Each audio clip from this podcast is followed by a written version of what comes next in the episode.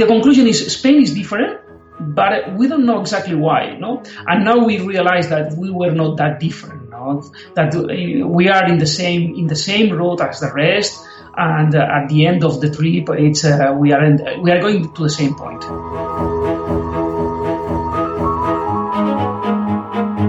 in South Europe, the, the, recession and the debt crisis, I would say that it's more important the debt crisis uh, generate um, a self-government crisis in, in, our democracy. So citizens had the uh, had the feeling that regardless the party they vote for, once they are in government, they have no powers to change policies. That the policies are are made by by someone else, no, from Europe, from other places, no, and this generates a lot of frustration and this generates a deep political crisis, not not, not only in Spain but in the rest of Europe. I think the Catalan crisis can be very much explained on, the, on along these lines.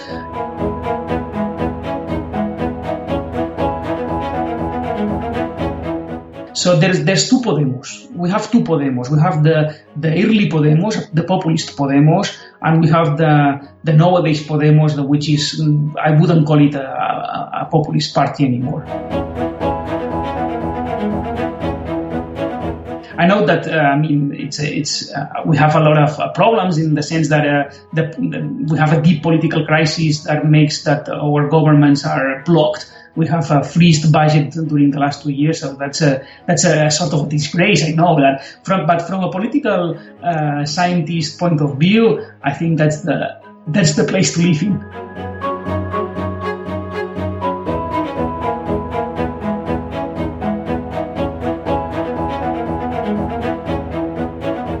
Hi everyone, welcome to the SRV podcast. My name is Armin Hakhverdian. I'm a political scientist at the University of Amsterdam.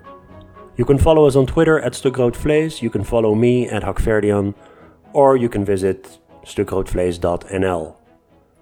Make sure to subscribe to this podcast in whichever app you use and uh, rate and review us, please. Five stars. In the past, I've had a lot of colleagues come on the podcast to talk about their research. A lot of them were in the field of comparative politics. I'm in comparative politics myself. And it's this subfield in which we try and sort of balance the general with the particular. So if you listen to the episodes I've done with, for instance, Sara Hobolt and Catherine de Vries a few weeks ago, or even if you go back further, Tarik Abou-Chadi on social democracy or Markus Wagner on polarization, a lot of the stuff that we're talking about is basically about general patterns across space and time. Now, not universal patterns, right? Most of them are scholars of European politics, West European politics, most of all, like, like myself. Now, the interesting thing about the subfield of comparative politics, I think, is that it tries to combine the general with the particular. So, a lot of people do case studies of countries. Um, it could be their own country or a particular context they're interested in that doesn't mean that we're not interested in generalizing, of course. We, we you know, we see the same things occurring over and over in, in different types of contexts. The theories that we try to develop, sort of the ambition is to be generalist without being universal. And it's always this balancing act that's going on. I think it's really useful to sprinkle in some, let's say, country specific episodes from now on. Sometimes these countries are outliers. Sometimes they're late to the party, as we'll see with, with Spain today. Um, I have a very special guest today. Uh, again, an old friend of mine from, from our college days, Luis Orriols. He is an associate professor of political science at Carlos III University in Madrid. He's also an on air analyst for the La Sexta TV channel. So I asked Luis to give me a crash course in Spanish politics. It's a very tumultuous time in Spanish politics. You have increased voter volatility, you have party system fragmentation, the first ever coalition government. You know, so there's a lot going on, and Luis gives me a much needed update on what's going on. We talk about the territorial cleavage and the Catalan crisis. We talk about the rise and, in some cases, fall of new parties, Podemos, Vox, Ciudadanos.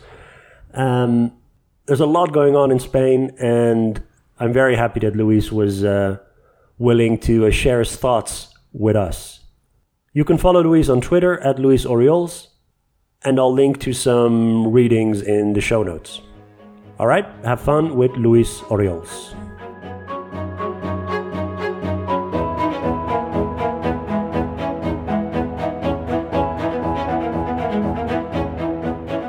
Okay, everyone, joining me on Skype, my old friend Luis Orriols. Luis, welcome to the podcast. Hi, thank you for the invitation. Thank you so much for joining me. So, let's go back 10 years. We went to college together. Yeah. Uh, you and I submitted our PhD thesis in the same week. Yeah, exactly. Yeah. but remind me again what your dissertation was about.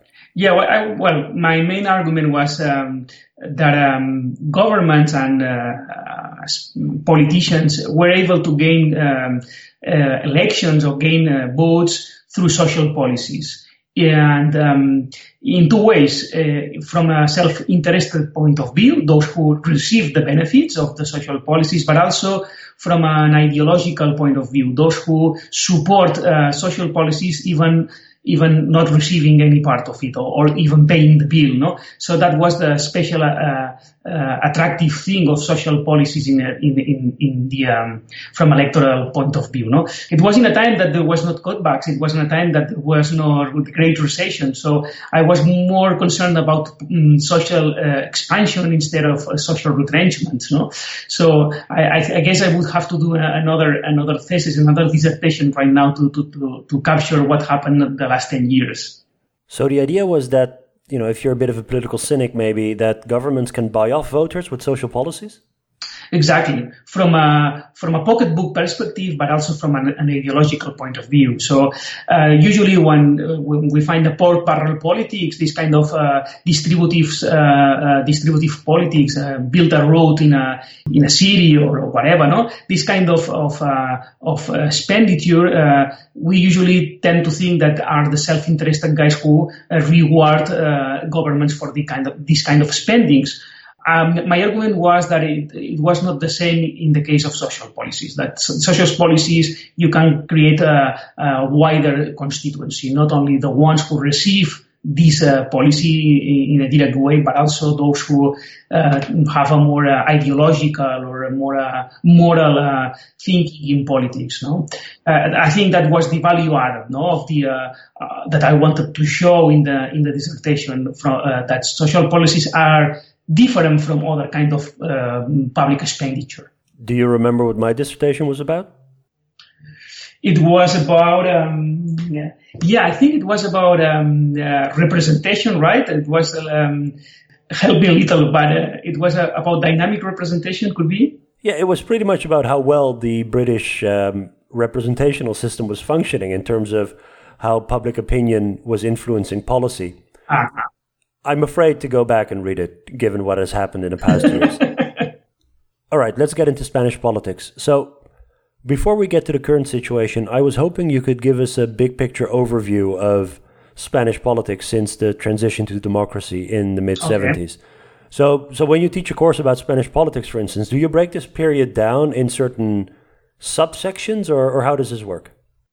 Yeah, it's true that uh, I could there's a very there's a lot of sub periods, no. But to make things easy, I would say that there are three main periods in the in the Spanish politics over the last three decades. No, the first period is the transition one, uh, where the political parties were not well established and there was a, a lot of uh, volatility during the first years. No, but after um, 1982, uh, uh, there were already two big parties. No, the Conservative People's Party in Spain and the Socialist Party. No, and we have been like this logic of two-party system. Uh, it was not a bipartisan, a perfect bipartisan system, but it was a, a, a two and a half system, a party system. No, but dominated by two, the Conservatives and the Socialist Party, and we have been like that during the last uh, last two two decades and a half until 2015. No, uh, in 2015, after the Great Recession,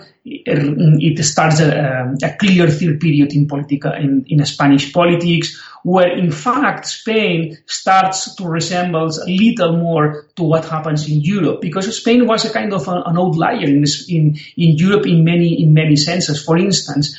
Uh, during all these decades uh, um, in Europe, we have seen, we have witnessed progressive fractionalization of the electorates. So parliaments were uh, uh, more fractionate over time, no, in general, in, in the whole Europe. There were more and more parties over time. That, but, but until 2015 in Spain, the opposite t- took place. I mean, we had uh, a more concentrated electorate over time. So the partisan politics were getting stronger and stronger and the, going in the opposite direction as Europe, no? Uh, and that's what, that was quite puzzling what happens in Spain? Why, if, if the electorates in, in Europe um, are uh, less loyal to, to the traditional parties, other parties emerges, what happens in Spain? Why, why, why, we go in the other direction? No?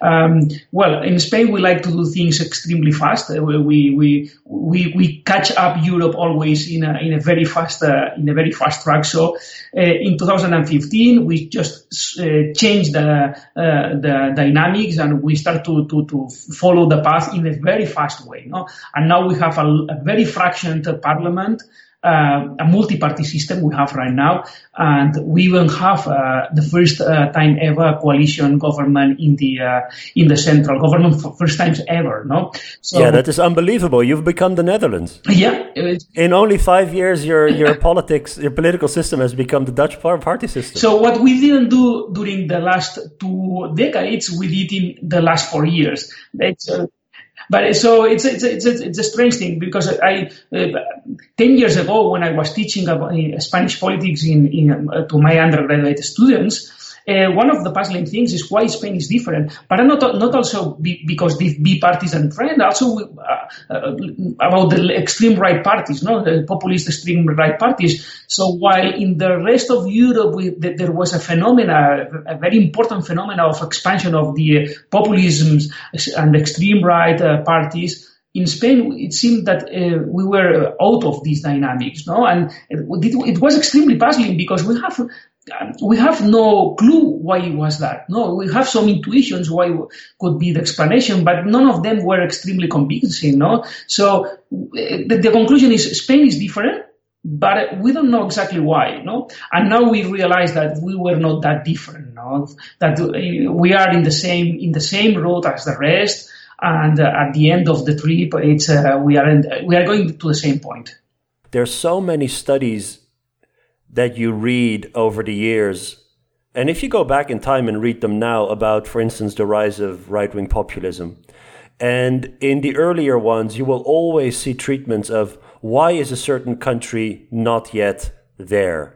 The Netherlands used to be that in the 90s. People were wondering, well, everything is in place for the radical right in the Netherlands to become really big. Why hasn't it happened yet? People were thinking about all sorts of reasons. Mm-hmm. or why hasn't it happened in Germany? People were thinking, well, it must be something with the German past. And it seems like one after one, um, it's it's one of these these exceptions are are falling. You could ask why in certain countries it takes longer than in others. Exactly. But I don't think I believe in in countries being immune in one way exactly. or another to to these political movements. I think it's a it's a very nice reframe of the uh, of the issue of why there's different paths or rhythms uh, to go to a same uh, to a same place instead of uh, exceptionalisms. No, that Spain or Portugal. Uh, some people talk about the, the, the now the, the, Portuguese exceptionalism. No, I'm pretty skeptical on, on on on this stuff. There was one argument in Spain that it, I think it was the most convincing one about why there was no extreme right populist party here, and it was more related about the nationalism and nativism. No, the dimension.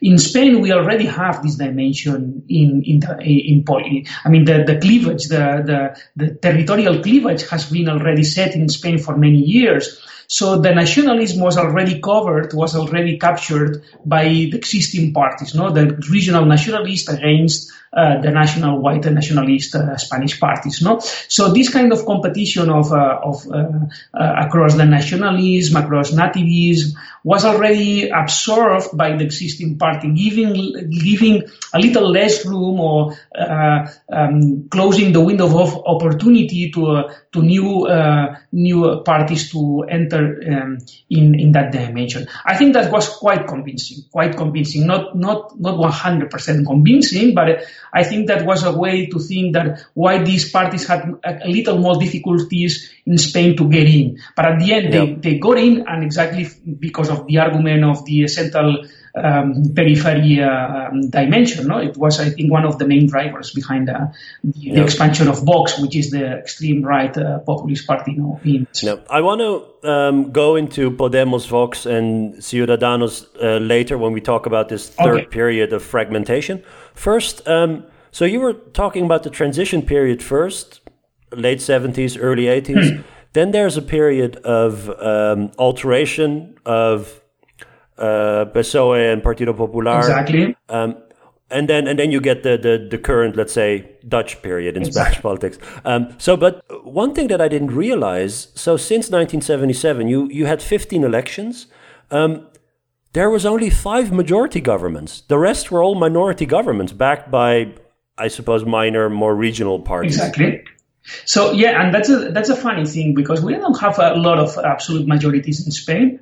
But if you see if you see data, you would realize that um, life expectancy of Spanish governments are extremely high, are the, one of the highest in Europe. Uh, or they used to be extremely high. I mean, most of the uh, of the uh, governments in Spain, despite of not having an absolute majority in the parliament, they were able to manage to be for years or three years and something, no? So there was a, we had a, a, period of high stability in government. Governments were extremely stable. And the, the main, uh, the main uh, argument for, for this stability was the regional uh, nationalist parties. Those regional nationalist parties were able to uh, guarantee stability in the national politics, in, in Spanish politics, providing stability or uh, government stability in exchange of uh, the devolving power. So Catalans were were exchanging um, stability in the national Congress, in the national parliament, and the national government would give to Catalonia more powers, not more devolved powers. Or another way is exchanging regional stability.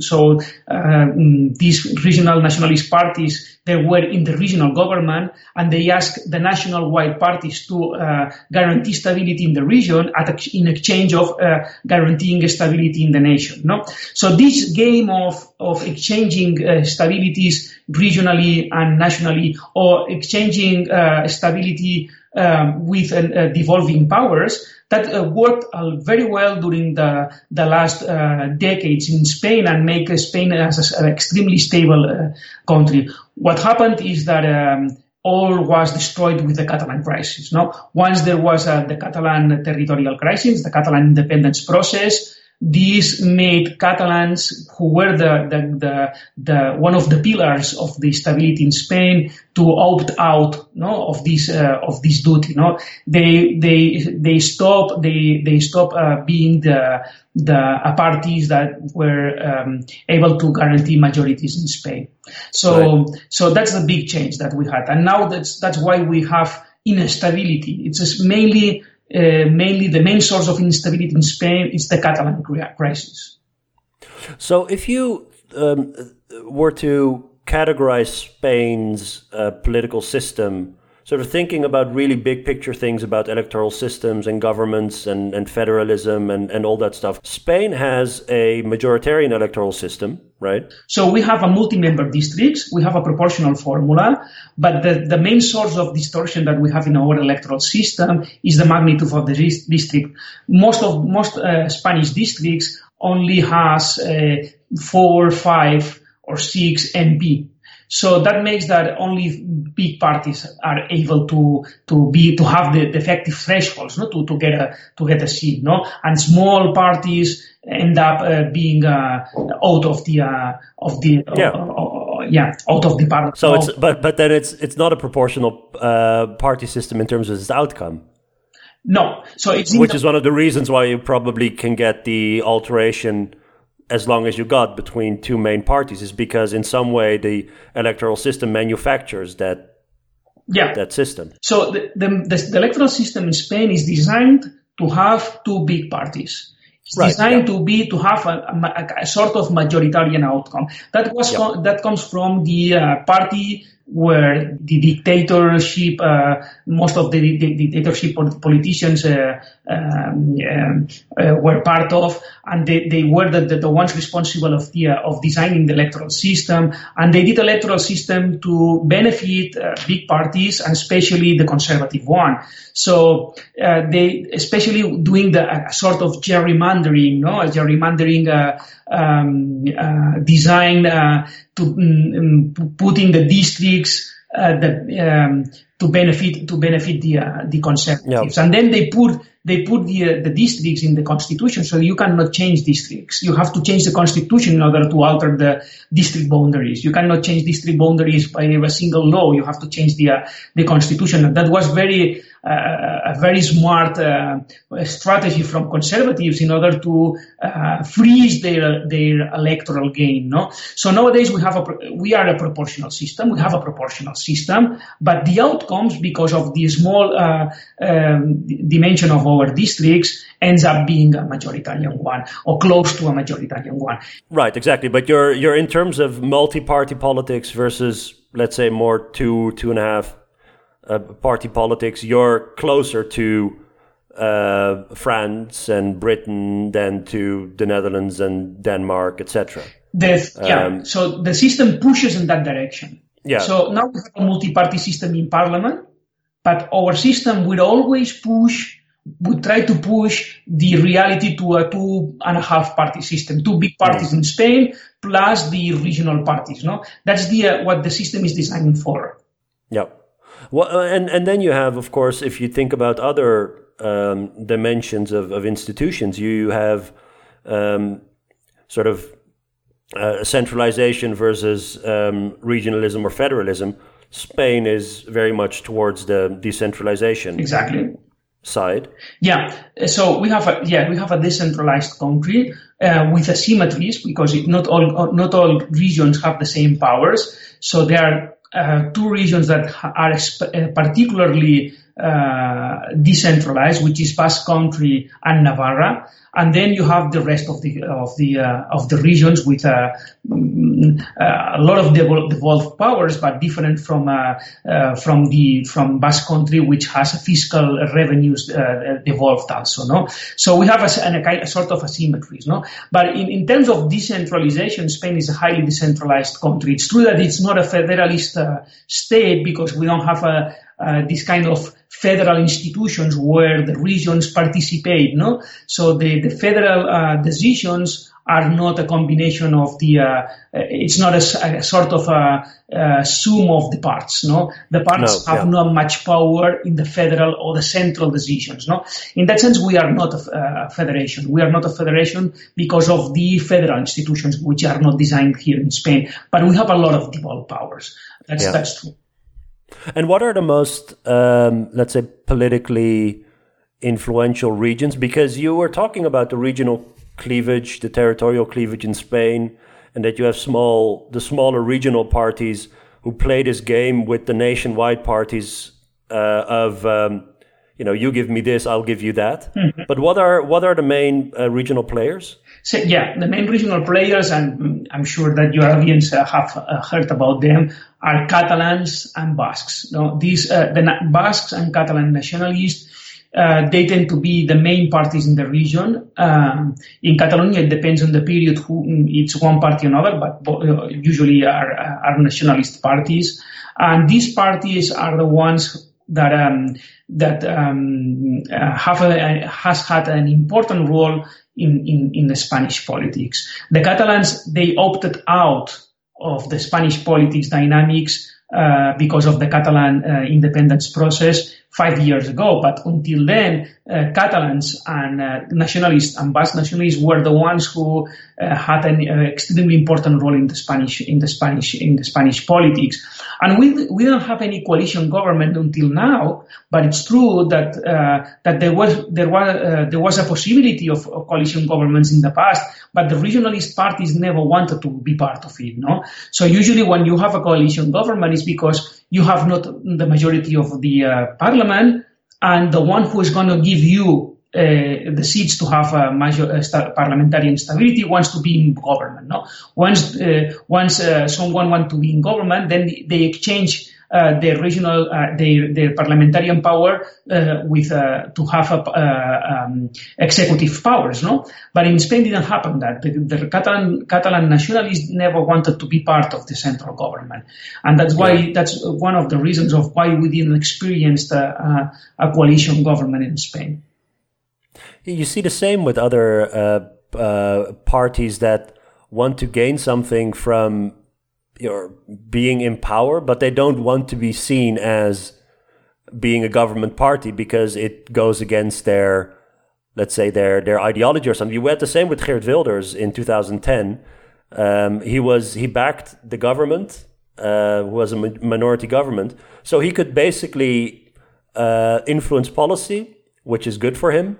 But he could also say, "I'm not in the government," so he can still criticize the government. Or exactly. So for his part of for his brand, it's better not to be seen as part of the government. Um, yeah, yeah, it makes completely sense. It was a uh, there was a, a published uh, paper, no, in Journal of Politics last year, no, about about the electoral cost of being a, a minoritarian member of a coalition government, no.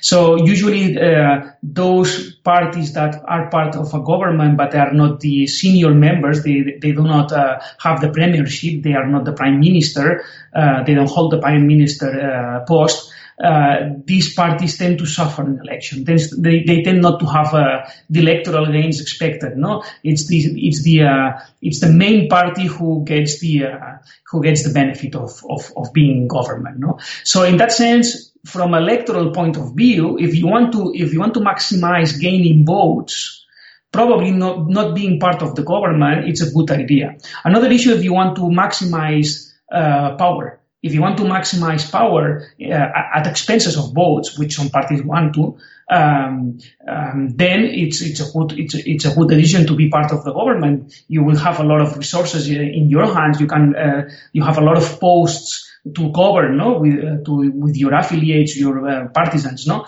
So it depends on what's the priority of a, of, of a party. If the party wants to maximize votes, perhaps it's not a good idea being part of a coalition government as a minor uh, a minor member. But if but it, votes, it's not the only thing in politics, no. Yeah, no, of course, yeah. What so? What about other uh, peripheral regions in Spain? So you, you said it's the Basque Country and Catalonia. Um, the other regional players are more minor especially because the regional parties are smaller, no, um, or they, they send less uh, members, uh, less MPs in parliament. So, so in some regions, um, party regional parties are strong, but the regions are smaller and they send less MPs and they are less influential, no. And right. other regions, um, they most of them they vote the national white parties, no. And in that sense, um, the, the, the effect of the region is diluted. No, um, we don't have any kind of actor that you visualize that it comes from that region that it's important. No, um, so at the end of the day, I would say that the the, the the one the main actors in Spain, the main regional actors in Spain have come from uh, Catalonia and Basque Country. And I told you before, one of the explanations of the deep political crisis uh, that we have in Spain uh, with a lot of uh, parliamentarian and government instability during the last five years is explained precisely because of the uh, of the role of the Catalan nationalists, no? that they were extremely important yeah. for, for for stability, and now they they are uh, they have another uh, another agenda. They have another agenda. So um, the, we have to talk about these two sort of separate crises one the economic crisis and the other the um, catalan uh, independence uh, situation um, Let's start with the Catalan one because we're talking about regions now anyway. I uh, one of our um, uh, colleagues and uh, or a former guest of the podcast, Sergi Pardos, he wrote a piece on the uh, LSE blog about support for independence. Uh, who supports independence in Catalonia and who doesn't? Mm. And he showed that it was very much a values cleavage. That those who support independence uh, so there's an education gradient, a very clear education gradient, and there's a language gradient. So um, people who speak uh, uh, Catalan um, are far far more likely to support independence. Um, But then what's behind the education gradient was values that you see everywhere in the past 20 years when people talk about this cultural cleavage in politics. Mm. So, immigration issues, gay rights issues. So, people who disagree with, um, or so, so people who are more multicultural in their values tend to support independence, and people who think that there's too much immigration tend to be against independence. And, and with gay rights, you see the same thing. People who support uh, gay rights are more in favor of independence. People who don't support gay rights are against independence. And to me, this cultural cleavage, I'm, as I, I'm a complete beginner in Spanish politics, but it keeps popping up everywhere, but just in different disguises. Yeah, it's true that the main driver of, of Catalan politics and support for independence is language. So language is the main single predictor of uh, yeah. in, in Catalan politics. But but still, still, why we have this explosion of uh, pro-independence supporters in, since 2012? Why not before? Language has been a constant thing, no? Uh, I mean, yep. something has changed uh, in 2012. I think it's my, very much related with the uh, Great Recession. It was extremely harmful from demo- for democracies, no? So, uh, in some sense, uh, um, in South Europe, the, the recession and the debt crisis, I would say that it's more important the debt crisis generate um, a self-government crisis in, in, in, our democracy. So citizens had the uh, had the feeling that regardless the party they vote for, once they are in government, they have no powers to change policies. That the policies are are are are, um, are made by by someone else, no, from Europe, from other places, no, but they have not yeah. much say, and this generates a lot of frustration, and this generates a deep political crisis, not, not not only in Spain but in the rest of Europe. I think the Catalan crisis can be very much explained on, the, on along these lines. In 2012, Catalonia uh, region, the Catalan institutions entering bankrupt. So they had no money at all. They were uh, they, they, suffered a deep debt crisis.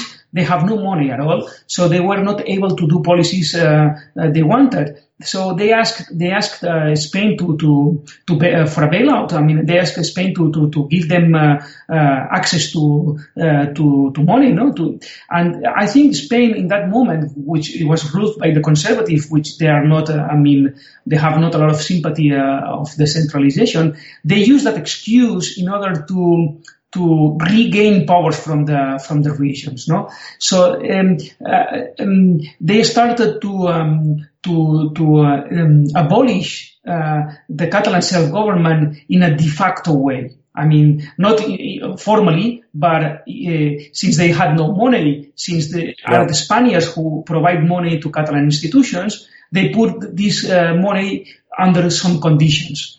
So the Catalan self-government, the Catalan government was uh, uh, de facto abolished in some sense, no? And, the, and that generates, let's say, a thermostatic reaction, no? Once uh, people realized that they had no powers, they started to demand for more self-government. And at some point, instead of demanding for more powers, they demanded, uh, they asked for independence.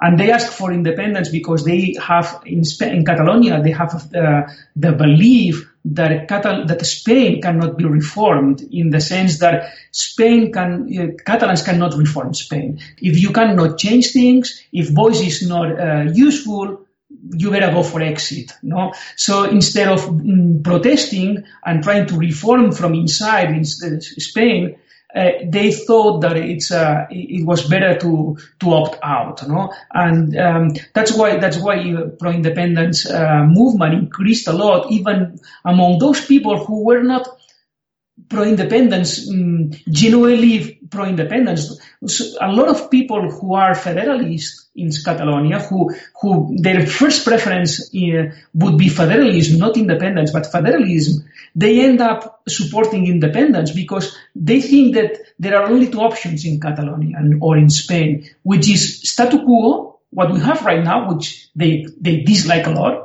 or independence. But reform, it's not an option at all. So in some sense, I would say that mm, the Catalan crisis is very much related to to the this idea of of uh, of a government with uh, with no powers, no a government that have no uh, no powers to do the policies that citizens want. It's just like what happened in in, in, in Greece, no? Greece they went and bankrupt yep. and was the men in black from Europe, and that generated a lot of, of insatisfaction, no? Catalonia would I would compare with that. I would the men in black in Catalonia would be the the, the, Sp- the Spanish central institutions. Yeah, the election of 2015 was the start of this period of uh, instability and change and volatility, right? Uh-huh. So in 2015, obviously saw the the rise of, of Podemos. Exactly. We, in fact, we have to go back. Um, we have to go back one year ago when the, the European uh, the European elections is when uh, Podemos started. Uh, they won a, I don't remember. I think it was four uh, mem- members of the European Parliament. No? The, so since 2004, uh, 2014, Podemos was not in the central government, but was was a very important actor in the Spanish politics. In fact. Uh, during the summer of 2014, Podemos was the first party in polls so if there were, if there had been an election, a general election in 2014, according to polls, Podemos would, would win the general elections. No, that changed over time, but but during during 2014, uh, Podemos was not in parliament, but was still uh, an important actor in political dynamics. No, people already right. knew that this was an important actor, and next elections they would be in parliament. So the, the surprise, I would say, no, the surprise of uh, of the end of the two two party system started in, to, in 2014. And then we had the picture in the national parliament in 2015, no, where the, yeah. where where uh, Podemos, but also Ciudadanos, citizens, uh, these two parties entered in the in, uh, entered in parliament. So, if you look at the rise of new parties, obviously one of the first things people want to know is where do the new votes come from? In the case of uh, early Podemos, uh, uh 2014, but also 2015, the national elections, so, to what extent did they mobilize new voters, and to what extent was it voters of other parties that went to Podemos? No, most of, most of the voters that that gained uh, Podemos in the beginning were, there were vote transfers from other parties. Uh, mm-hmm. This party was able to to to uh, to eat a big portion of the United Left, which was extreme uh, a sort of extreme uh, post-communist party that it, it was a, a, minor party in Spain, a national white pa- minor party, and especially uh, the Socialist Party. So the Socialist Party, the Socialists suffered a lot, suffered a lot, uh, and they, they they get the worst results ever, no, in 2015, 2016. So uh, it was the Socialists who suffered most, the most, no, with the emergence of this of this party. And people have described early Podemos as almost a um, schoolbook example of a populist party. In in the let's say more political science Cas Mudde definition of the word, very strong antagonism between elites and, mm-hmm. and, and masses and, and anti-elitist message, the, the idea that the political elite is one, let's say, homogenous whole that uh, almost like a cartel is there anything more to Podemos than so early Podemos than than basically an, an anti-system yeah, so, party because they're a left-wing populist party, they're not a right-wing populist. Absolutely, no, no. In Spain, we had a, a populist, a left with a, a left-wing populist party during 2014 and 2015, which was Podemos. Podemos uh, during the beginning. It, it, it, it, has a strong populist profile. And the main discourse that they had, it was to uh, pursue the antagonism of what they call casta, which was the establishment parties, the establishment economic powers, against the citizen, who who had no say, no, who, who uh, the, that democracy do not work because citizens have no say and are the casta, the establishment, the ones who, who rule uh, at expenses of, of, of citizens' demands, no.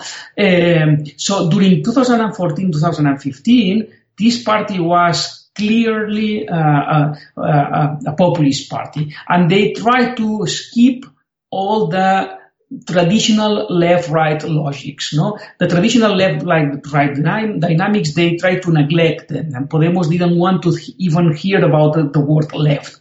They, why, they, why they, saw, they, they, they thought that there was another important issue in Spain apart from left and right, which was the uh, political crisis, political disaffection, and this kind of di- dichotomy of casta and, and citizenry, you know. And this ended up in 2016. 2016, uh, uh, Podemos started to talk in the traditional left-right logic, started to demand for a left-wing party, started to, I mean, to um, uh, set as a traditional left-wing party, no? So there's, there's two Podemos. We have two Podemos. We have the, the early Podemos, the populist Podemos, and we have the the nowadays Podemos, which is I wouldn't call it a, a, populist party anymore. But vo- so I think this is really interesting that uh, you have a new party. It's it's profiled. It tries to emphasize that it is not ideological but populist. But if they would have been successful in doing that, you would imagine that also right wing people who are disillusioned with the political system would support them, right? If they're but was there support? You just said that their support was mostly from left wing people. So the electorate itself associated Podemos with the left very clearly. Yeah, but but but it's true that that it, not much right wing voters ended up voting for Podemos or ended up in 2014-15. Uh, at least in polls, saying that they, they wanted to vote for Podemos. But I would see it uh, in, in another way. Podemos uh, Spaniards saw Podemos as extreme left-wing party because they knew that all the guys that were there were former communist people, no, and they had relations with uh, Venezuela and, and these uh, left-wing uh, regimes in, in, in, in, Latin America, no.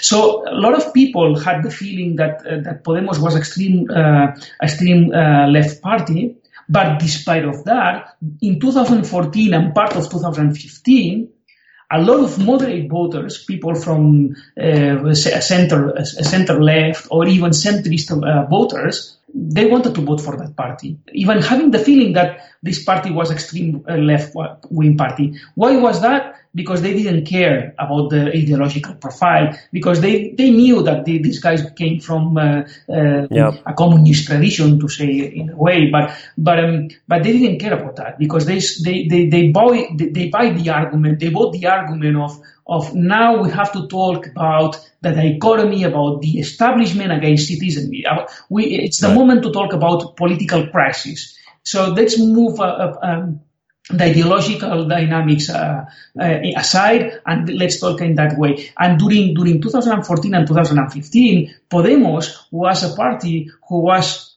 I mean, I would say competitive among the centrist voters. Not anymore. Since 2016, this party has uh, progressively being extreme mm, uh, uh, attractive um, among the not extreme left wing parties or left wing parties, but not among the moderates, which is a marginal party now. And uh, the, the, second uh, party, apart from Podemos, was um, Ciudadanos, Citizens. Their profile was um, very moderate, centrist, right? Yeah. So in the beginning, Ciudadanos, it's a party uh, perhaps I'm sure that your audience do not know that it's a party that it, in fact it's a Catalan party. So it's a party that it was already in, in, in Catalonia. I think it was uh, in Catal- it was in the Catalan parliament since, since I, I, I, think it's since 2010, and it was an, an anti-Catalan nationalist party.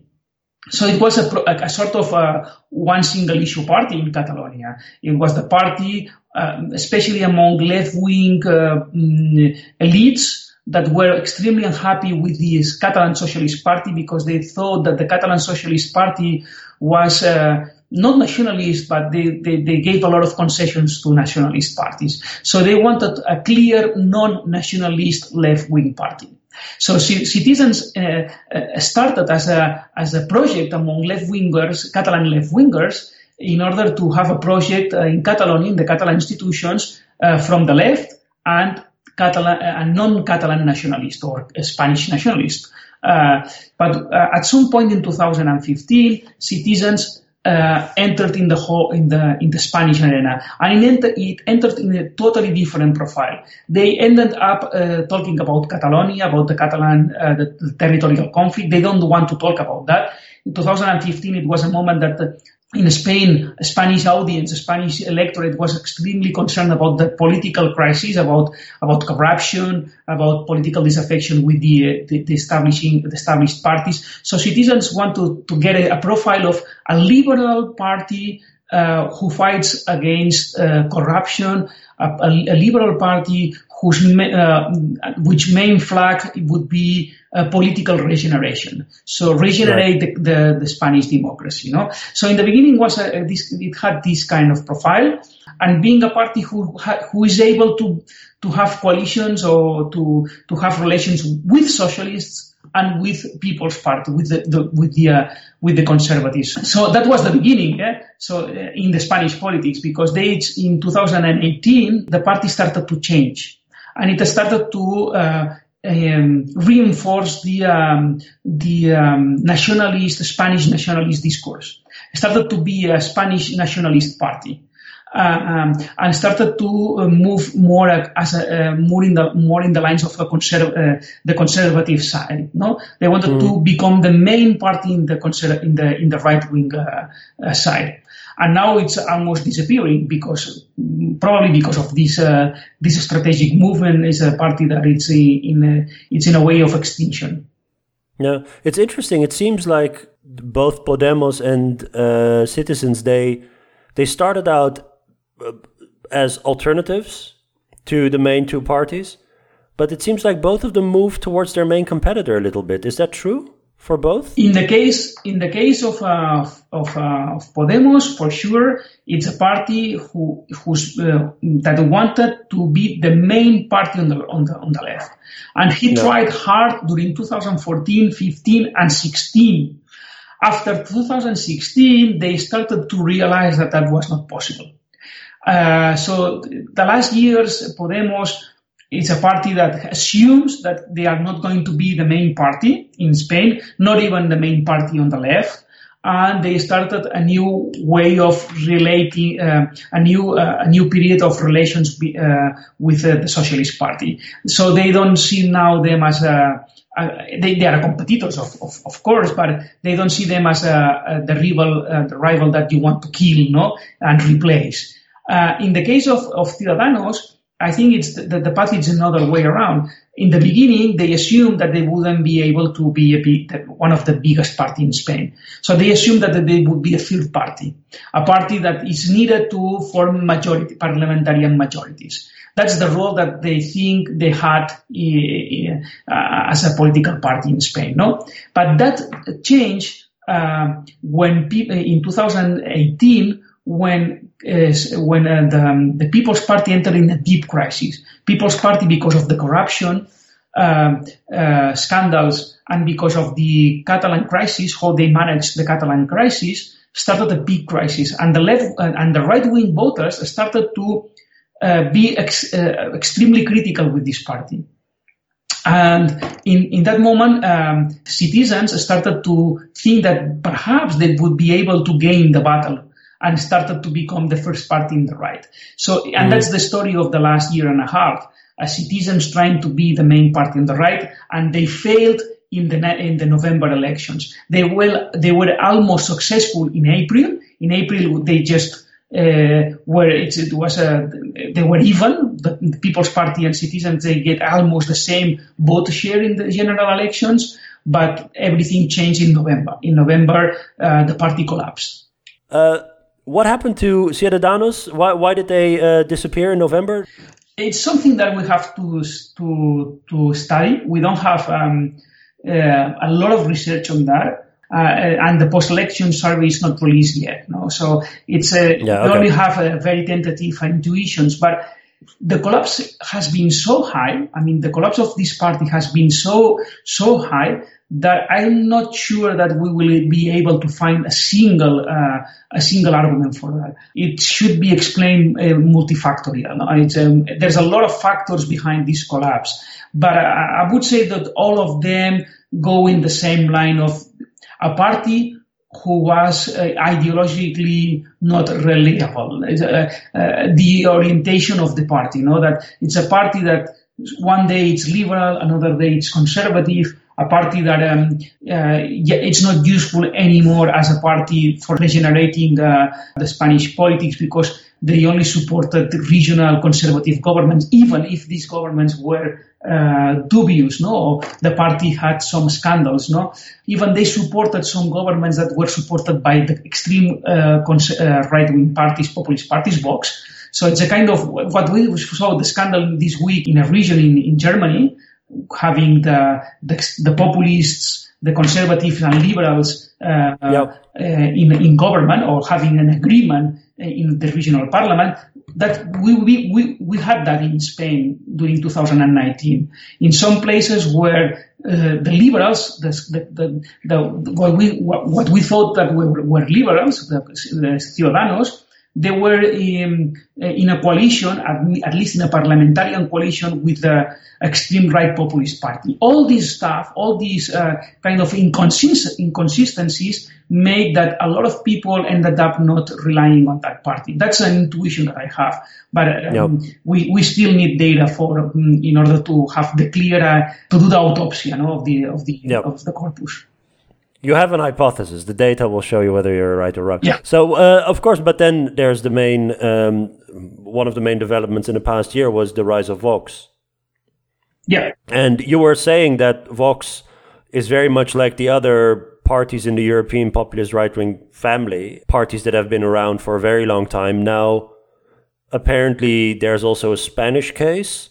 Can you tell a little bit more about the rise of Vox and yeah. about their electorate? So, at the beginning, Vox um, so I, I, was very um, at the beginning I, I, was quite skeptical of, of, of saying that Vox was a traditional extreme right populist party. I think it was a extremely conservative party. Uh, most of the of the leads of that party came from the the, the People's Party, and I, it was a sort of a, the unhappy extremist guys of People's Party doing a new party, which is extreme party. You know, I, th- I thought that in the beginning was like that, and they were not, they didn't have this kind of populist discourse. No, uh, they didn't have even uh, nativist discourse. They were not especially concerned about uh, uh, about immigration. They were not especially concerned about European Union. So all the issues that are present in in the extreme uh, right populist parties in Europe was not were not especially important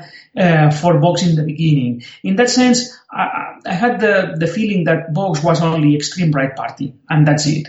Uh, but that changed a lot from April last year to November, no? the, uh, when we had the last uh, the last general elections. During this period, during 2019, uh, the, the profile of Vox changed a lot. They started to introduce as a main drivers of their ideology um, elements uh, related with xenophobia. Uh, they start to be become Eurosceptics. Um, they started in summary, they started to to resemble a little more to the extreme right populist parties, no, and talk talk in a populist way, no. So, but, but so I would say that Vox is in constant change, but the direction that they are, they are moving right now, last during the last year, is towards uh, um, uh, extreme right populist party. I know that populist parties, in extreme right populist parties in Europe, they have a lot of differences between them. I mean, we cannot call it a, that we cannot say that they're all the same, no? Uh, but they're moving. I think this party is moving in that direction. And the Catalan issue also plays a role in their success. At the beginning, yeah. The, so the emergence of Vox was very much related with the uh, center-periphery uh, conflict, right? And that's why I thought that Vox, if they continue to do that, to use the central periphery conflict to gain votes, I thought that was uh, a very bad strategy for them. Because, in fact, People's Party and citizens, they had a, a, a, very good reputation on, on that dimension. I mean, citizens, I told you before that in the beginnings it was a, a party that was born in Catalonia precisely to fight against Catalan nationalism. So in that sense, fighting uh, in that field, in that battlefield, uh, it was difficult. Uh, you can gain some votes, but uh, a lot of uh, uh, Spanish nationalists could see People's Party or could see citizens as a good party to defend the nation. No, I do thought that um, they had to move uh, to more uh, cultural dimension, the, the, and the and the xenophobia, the nativism related with xenophobia, and that's what we have witnessed uh, during last months. And I have the feeling that their success in November compared to uh, to April is related, uh, partially related with that. That they now realized that it's a party that can grow a lot in Spain, but they can grow a lot if they change the, uh, if they don't talk only about Catalonia and Spain, if they yep. talk about immigration, if they talk about um, Europe and all this stuff that in Spain, in, in Spain, I think it, it has a lot of potential too. Yeah. So, and and um, if you look at the socioeconomic profile of Vox voters, for instance, or or at other profiles, which social classes, incomes, education, you know, sort of the basics. Who are they? Who are their voters? So the voters are not. I, right now, we cannot compare uh, Vox voters with the what happens in other places in Europe. There's a it's a it's a it's a very ideological right wing voter, so they are not being not being able yet to gain votes from the center or even the left. They gain votes um, with the uh, manual workers or uh, traditional um, electorates from the social democracy. We don't know, we don't see that yet in, in Spain. Uh, voters are usually uh, um, uh, extreme right voters, uh, come from People's Party, the economic group, most important economic group, I, I know that it, it, it, sounds weird, but the, the most important thing that says polls is that it's uh, uh, um, the, the, the, police, the armed forces, and all security related uh, sectors are the ones who extremely vote for this party. And so it's a party that is extremely successful with police, the army, uh, it's the first part in this in, in these sectors. Now it's gaining uh, a lot of force also among the rural areas, uh, the um, people who vote from uh, who, who, who works in the in, in farms and in agriculture uh, is gaining support from April to November. So um, um, the the ideology, the the profile, the, the social demographic profile is changing, no? And I'm pretty sure that what we see now it's not what we are going to see next years. Uh, I'm sure that the, uh, um, Vox is going to be able to diversify this uh, his electorate. Now we see electorate that it's a standard conservative electorate, uh, but um, the new discourse that they have, I think that would be very appealing from uh, other social classes.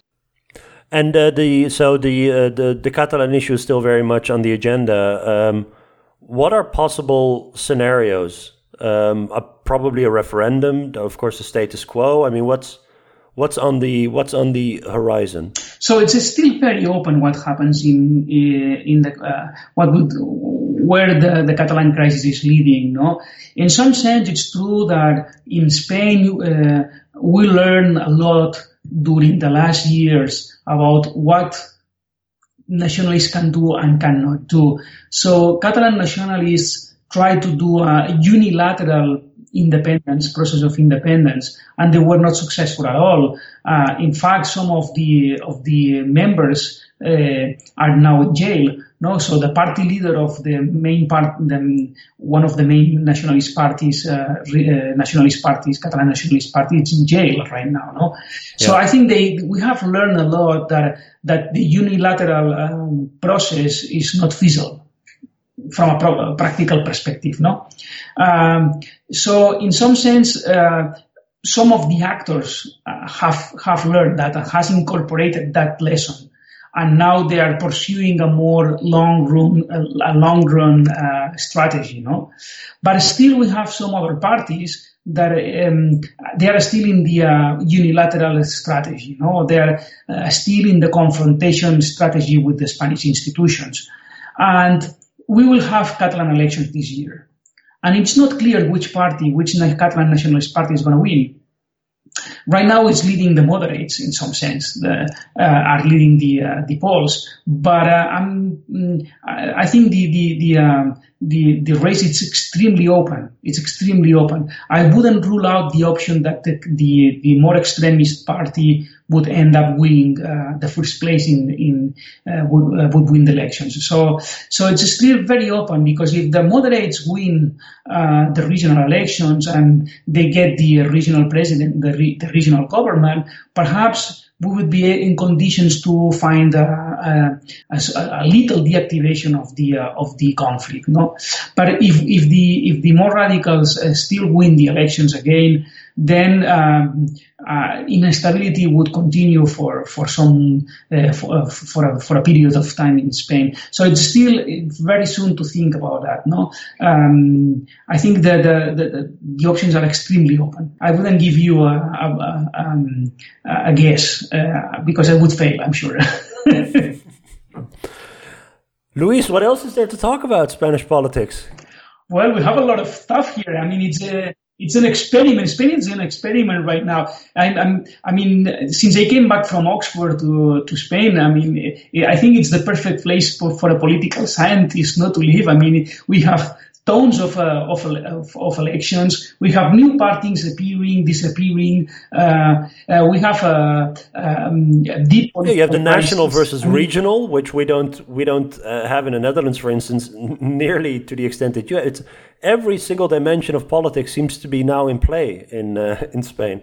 Yeah, so that's a, I think it's a, it's a, it's a I know that uh, I mean it's a, it's uh, we have a lot of uh, problems in the sense that uh, the, we have a deep political crisis that makes that our governments are blocked. We have a freezed budget during the last two years, so that's a that's a sort of disgrace. I know that, from but from a political uh, scientist point of view, I think that's the that's the place to live in. You, you should come here in my department. I'd love to. Uh, but you make uh, Dutch politics seem uh, seem boring, although there's so much happening here too. hey, thank you so much for your time. If people want to follow you, um, you're on Twitter, but I think you you're Spanish only.